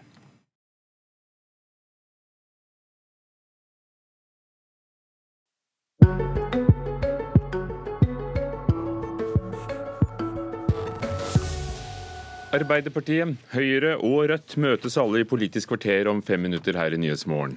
For å snakke om trygdeskandalen. I dag skal Anniken Hauglie, statsråden, forklare seg i Stortinget. Men før det er vi friske når vi føler oss friske. Det viser seg at stadig flere friske mennesker går til legen for å sjekke nettopp dette, men det har absolutt ingen hensikt, viser ny forskning. Og det å sjekke seg for ofte kan faktisk gjøre mer skade enn gavn. Det har jeg vært i dag. Nei, bare sånn en gang i året. Så hvor, hvorfor gjør du det, da? Hva slags garanti har du at du er frisk? Hva slags garanti har du det? Ikke tar du blodprøve, ikke, ikke går du til legen. Hvordan skal du vite du er frisk? Han er en av mange som går til legen for å ta en helsesjekk. Men slike sjekker er totalt unødvendige, mener lederen i Norsk forening for allmennmedisin, Marte Kvittum Tangen. Altså hvis du kjenner deg frisk og ikke har noen spesielle risikofaktorer, så har det ingen hensikt i å bare ta en generell helseundersøkelse. Hun baserer seg på nyere forskning fra Cochrane som nok en gang bekrefter at man ikke finner mer sykdom eller dødelighet ved å ta slike helsesjekker.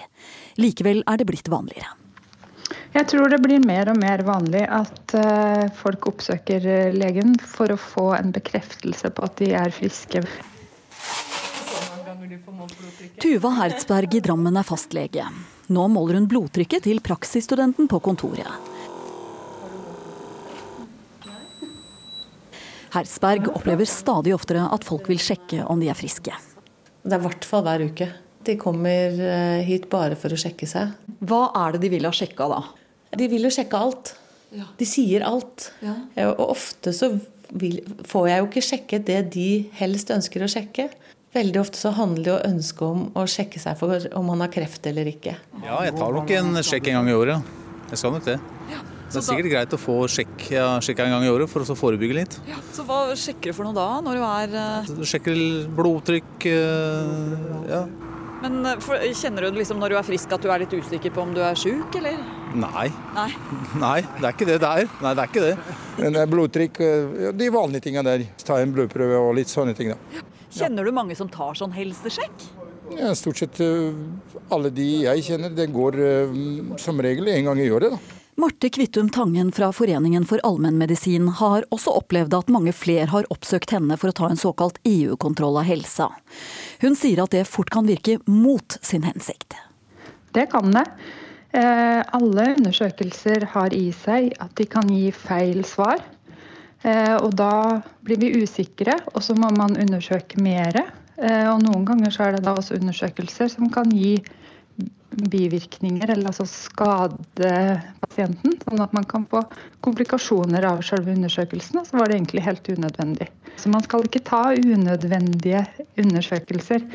Det fører bare til bekymring og kan gi uheldige bivirkninger. Vær så god, da er det din tur til å komme på laboratoriet. På laboratoriet på allmennlegeklinikken der Hertzberg jobber, tas det blodprøver hver eneste dag. Da kan du bare strekke ut armen din og slappe helt av. Ja. Friske folk vil ha målt kolesterolet, blodsukkeret og blodtrykket. Eller ta alt, som de sier. Jeg tror generelt at vi har fått et høyere fokus på helse. Så jeg tenker jo at det, er viktig at folk kommer uansett. Altså Hvis de ønsker en helsesjekk, så får vi diskutert det. Så får vi snakket litt om kanskje det å, å være redd for å, å, få en sykdom. Og hvordan leve med den redselen, hvordan akseptere det osv. Og, så og det faller jo av og til i god jord, og av og til gjør det ikke det. Nei, men hva, altså Jeg tror jeg kommer til å fortsette å, å, å gå til legen en gang i året. Ja, ja. det gjør jeg. For tar, du noe, tar de der generelle prøvene, så vil, da vil det vise om det er et eller annet feil. Da. Går du ikke før du føler at du før, før du er sjuk, så er det kanskje, kanskje det er for seint. Det var eh, Kjetil Kleven. Vi hørte til slutt. Karoline Bekkelund Hauge hadde laget reportasjen og snakket med både potensielle pasienter og legene. Og så var det forskning.no som skrev om denne saken først. Nyhetsmorgen i NRK. Tyrkia har anholdt søsteren til den drepte IS-lederen Abu Bakr al-Baghdadi i Syria, og de håper hun kan fortelle mer om hvordan terrororganisasjonen er bygd opp. Trumps regjering begynner arbeidet med å trekke USA fra Parisavtalen. Og nå er det tid for Politisk kvarter. Lilla Sølhusvik er klar.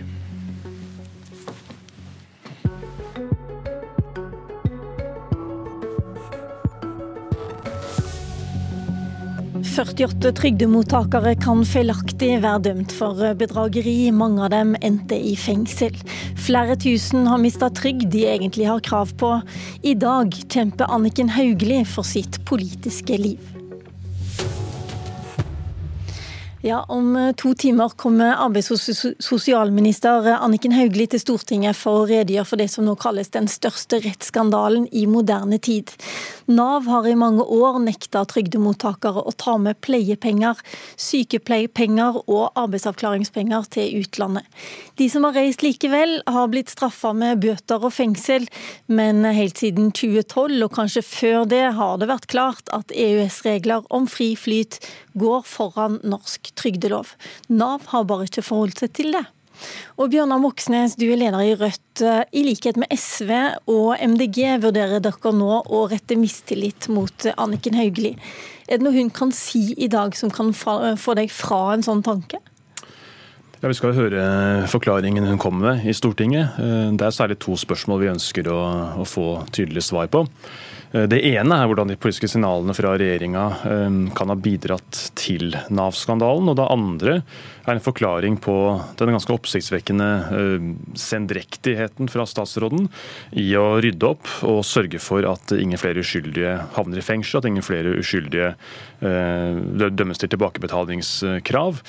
Alarmen gikk ifølge Hauglie departementet 30.8 i år.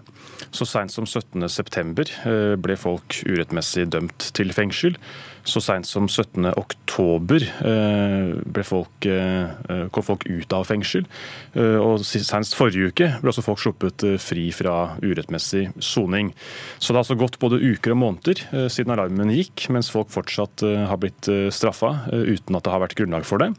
Og vi ønsker å få svar på hvordan det kunne skje, og om statsråden har gjort det man burde kunne forvente av en statsråd eh, for å hindre at mennesker eh, urettmessig blir straffa. Sist gang Rødt eh, stilte mistillit, fremma mistillit mot en statsråd, det var mot Sylvi Listhaug, og da endte Arbeiderpartiet med å støtte det.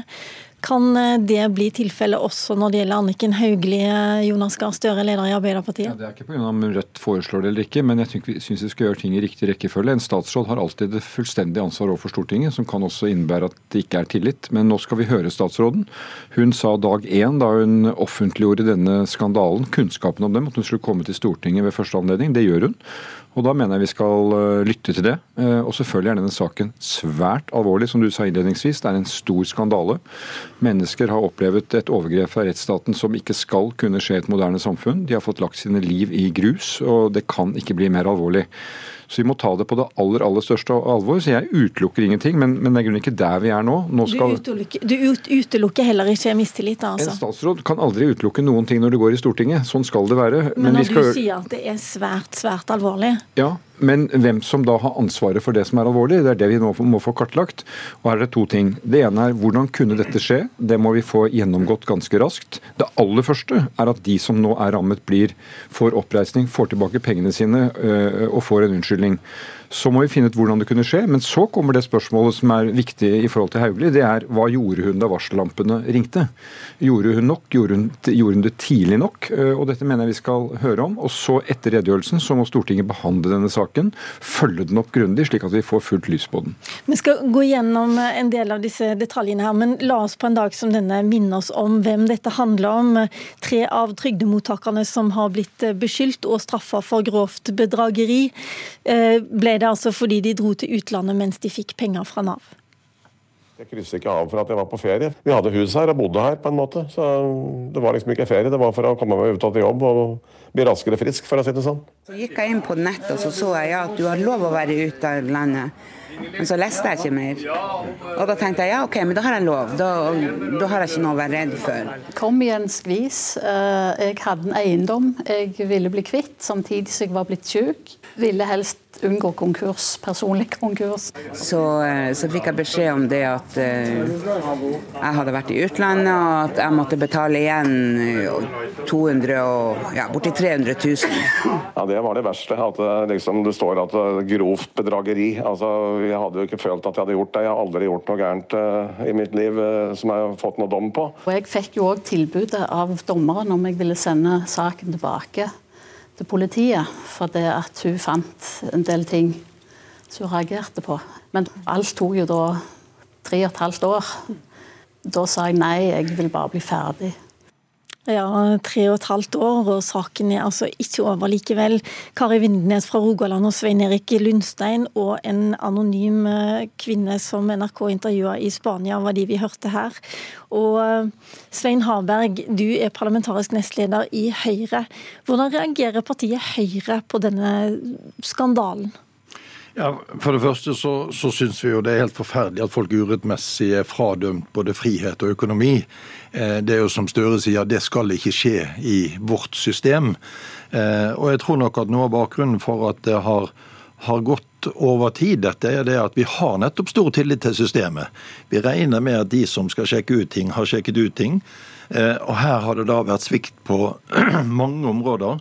Eh, så det, det er veldig alvorlig. Men har du, har du, funnet noen god forklaring på hvorfor det ikke er oppdaga før? Nei, det har jeg ikke enda, og det er den jobben vi skal starte på nå. Og, og, her er det så mange involvert at her er det viktig at vi, vi tar ting som, som også hører seg i riktig rekkefølge. Her må vi begynne med å nøste. Eh, og dette er nok en sak som, som, vil måtte ta lang tid for å finne ut hvorfor det skjedde. Men det som ikke kan ta lang tid, det er prosessen med å prøve å rette opp overfor de som er rammet av dette. Det blir krevende, men det må skje raskt. Og det opplever jeg at statsråden eh, har signalisert at hun skal jobbe med raskt. Og så får vi høre hva hun sier i dag. Eh, Støre på Dagsnytt og Nyhetsmorgen i dag så har vi hørt at også Stortinget har da vedtatt to trygdeinnstramminger faktisk, som ligger an til å være i strid strid med EØS-regelverket. Så det betyr vel at eh, dere har vært med på det, dere også? Det er svikt på alle nivåer. Uh, i, Også i Arbeiderpartiet? I regjeringssystemet, i stortingssystemet og i domstolssystemet. De tre statsmaktene har ikke uh, forstått konsekvensene av det uh, det brede flertallet er for, nemlig at vi er med i et system hvor det er likebehandling i Europa, og hvor det skal kunne være mulig å reise frem og tilbake med disse ytelsene. Men det som jo, så, så jeg vil ikke trekke konklusjon om akkurat hvor det har oppstått. Jeg tror nok det er slik at eh, Den forståelsen som da trygdemyndighetene har lagt til grunn eh, for hva, eh, hvilke krav de kan stille, det har vært fremsatt fra dem at det er innafor. Og så er det ingen som har gått inn og sjekket at er det det. Eh, det, det, burde jo da, nå når vi sitter og ser på det nå, vært eh, en dommer, en jurist, en advokat som skal fremme interessene for sine klienter, burde boret i dette og sett at dette var slik. Eh, I kontakt mellom departement og underliggende etat Nav burde det være mekanismer som, som, så på dette. Når det gjelder vanlig trygd, altså alderstrygd og slike ting, så er det ikke spørsmål om Da kan du reise ut og inn, men det er med akkurat disse, disse syk, sykepenger, dagpenger, som du peker på. Men en av de første som var ute, det var en LO LO-advokat. så Det betyr vel egentlig at dere også ville hatt Nå er ikke LO del av Arbeiderpartiet, men ikke så langt ifra heller. altså Dere hadde også, opposisjonen hadde også uh, mulighet jo, til å sette foten ned her. Jeg sier ikke i noen setning at noen er fritatt for ansvar. Det er det kartleggingen må vise. Eh, og Hvis det viser seg at vi har hatt ansvar, eh, enten vi har vært i regjering eller at vi har sittet i storting, så må vi ta det ansvaret. Og Det må vi få, få eh, klarlagt. Så det er to ting. Hvordan kunne dette skje? Det er en systemsvikt. Og så kommer spørsmål to. Da ble, man ble klar over at det var et problem, da varsellampene blinket, da det ble sagt fra Trygderetten, da de avviste disse, disse beslutningene, hva gjorde de politisk ansvarlige da? For det er jo også et, et veldig viktig del av det politiske ansvaret. Men når jeg spør om det, så er det jo litt sånn I hvilken grad kan du kaste den eh, første og største stein når man faktisk har vært med på det sjøl? Ikke minst også fordi at EU-forordningen kom i 2012. Men jeg har ikke kastet en eneste sten, Lilla Sølesvik. Du bruker ord her som du får, eh, du får tenke grundig gjennom. Vi er opptatt av rekkefølgen her. Vi skal ha all kunnskap. Det er ingen som kan sitte og frita seg fra det nå. Statsråden skal komme og redegjøre, og vi skal følge opp. Og Da kan vi ikke utelukke noen type ansvar, det sier jeg, men la oss nå gjøre dette på en skikkelig måte. og jeg, jeg vil vektlegge igjen det aller første vi må gjøre, og som ikke må forsinkes av noen debatt eller andre krumspring, det er at de som er rammet av noe som ikke skal skje i rettsstaten, de må få oppreisning, de må kunne komme og få opphevet dommene, de må få tilbake pengene sine. Akkurat nå så låner jo de penger til staten. De har jo gitt fra seg penger til staten som de eier, og de pengene må de få, til, få tilbake igjen uten opphold. La meg spørre deg da, Svein Harberg. Mener du at det er det egentlig Arbeiderpartiet, de rød-grønne, som har skylda, som gjorde feilen i 2012 i utgangspunktet da denne forordningen kom? For det første så vet vi ikke om det er 2012 som er brekkpunktet her, så jeg tror ikke vi skal fordele skyld i dag. Det ville være helt urimelig. Eh, der er, der er, her må vi bare legge oss flat alle sammen og si at her har det skjedd flere ting på flere forskjellige eh, steder som ikke burde skje. Vi må gå inn i det systemet. Men det har vi litt mer tid på. og Derfor mener jeg at vi må gjøre en veldig grundig jobb der. Vi må finne ut hvordan vi skal håndtere det på Stortinget for å finne ut av det. Og vi må vurdere hvordan vi skal få noen til å jeg tror vi må si uhildet se på hvordan de forskjellige har samarbeidet her. Eh, det er ganske betenkelig at eh, et domssystem som vi har hatt stor tillit til, så er det verken på forsvarersiden eller på aktorsiden eller på dommersiden noen som har fanget opp at her er vi i strid med, med gjeldende lover og regler. Og eh, ingen på journalistsiden heller, må jeg bare legge til i selvkritikkens navn. Men Bjørnar Moxnes, du kom jo inn i Stortinget etter 2017, så du er en av de få som slipper å bale for mye med historien din eh, i denne sammenheng. Men mener du at dette har foregått uh, fordi uh, egentlig så har det vært et bredt stortingsflertall som har ønska at uh, trygdelovene skal være så strenge som Nav har praktisert? Ja, Det er et veldig stort og viktig spørsmål å komme til bunns i. Jeg tror det er vanskelig å se denne skandalen, altså omfanget av den, også varigheten, isolert fra politikk. Eh, og Politikken eh, har vært ganske tydelig, ikke minst fra den sittende regjeringen, når det gjelder folk som da er syke og arbeidsuføre. Da har vi sett gjennom en rekke innstramninger i ordningene. De har stramma inn på AP-ordninga, De har kutta i pensjonen for uføre. De har avvikla ung ufør-tillegget. De har kutta i barnetillegget for uføre.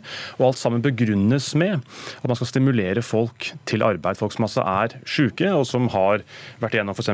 kreft, trafikkulykker, som trenger hjelp av fellesskap for å komme tilbake i jobb, skal altså stimuleres til innsats gjennom kutt i ordningene sine. Så det ligger en slags sånn mistenkeliggjøring, mener vi, under mange av innstramningene som har kommet eh, mot de som eh, er på disse ordningene, og som kanskje kan være grunnen til at eh, vi på tross av en rekke meldinger fra flere forskjellige hold likevel har sett at, at politikken med å domfellelser, kontroll forfølgelse eh, og osv. har fortsatt i så mange år og med så stort omfang. Så vi må både få komme til bunns i dette, dette spørsmålet her, altså hva er det politiske eh, i saken, og i tillegg må vi få kartlagt eh, hva som har vært Anniken Hauglies måte å håndtere det på etter at hun fikk beskjed flere ganger om at noe var alvorlig feil. Og Det trenger vi ikke noen granskingskommisjon for å finne ut av. Altså Om Anniken Hauglie etter 30.8 har gjort det hun kunne og burde og skulle gjort for å hindre at flere mennesker ble urettmessig rammet, det kan vi få raske svar på. Så må en ekstern granskingskommisjon, mener vi, komme til bunns i de andre siden av saken. Hvordan det oppsto, varigheten, omfanget. Det må Stortinget sette ned, for vi får en gjennomgang av hele det komplekset, mener vi. Hva tror du, Støre, hva er det som kan være så alvorlig at man i det hele tatt tar opp mistillitsordet? hvilken del av alt, hele dette store sakskomplekset er det at det har gått så lang tid? Er det den siste håndteringen det siste året fra eh, Anniken Hauglie først ble gjort oppmerksom på det for et år siden, eller hva er det dere reagerer altså, mest på? Det er, det er, jo to typer eh, spørsmål her. Det ene er jo ansvaret man hadde på et ulikt tidspunkt. Det er jo statsråder som har hatt ansvar her som har gått av for mange mange år siden. Og så er det sittende statsråd og sittende regjering hva de har. Stortinget har jo ulike typer måter å uttrykke ansvar for det. Den sittende statsråd må alltid ha tillit i Stortinget for håndtering her og nå. Så det er jo det eh, temaet. Hvordan reagerte man? Og det var jo på denne statsrådens vakt at man fikk kunnskap. Nav fikk kunnskap. Hvordan skjedde kommunikasjonen? Har man tillit til den, til den reaksjonen? Eh, og så er det det bredere politiske ansvaret som jeg tror du finner igjen eh, spørsmålstegn ved i regjeringssystemet, i underliggende etat Nav, i, i Stortinget og i domstolssystemet, advokatsystemet. Så du kan ikke peke på ett spesielt område som er verst? Jeg, jeg mener at den sittende statsråden som får kunnskap, er en helt spesiell situasjon i forhold til Stortinget. Det gjør jeg. Harberg, er det sånn at eh, Høyre og den sittende regjeringen egentlig har ønska at Nav hadde rett, og at det kan være grunnen til at man ikke har reagert før? Ja, nå er Det jo slik at det har vært et langt bredere flertall på Storting enn sittende de sittende regjeringspartiene som har vært bak dette med å jobbe med målrettede ordninger. Men vi må skille mellom det innholdet i en trygdeordning og det som vi nå snakker om, som er en skandale. Ok, Da fikk du siste ordet i denne setting, men siste ordet er på ingen måte sagt i denne saken i dag. For eh, nå om eh, to timer så går altså Anniken Hauglie på Stortingets talerstol for å gi sin redegjørelse. Takk til Svein Harberg, nestleder i parlamentet for Høyre. Takk til Bjørnar Moxnes, Rødt-leder, og Jonas Gahr Støre, leder i Arbeiderpartiet. Mitt navn er Lilla Sølhusvik. Nyhetsmorgen fortsetter en time til.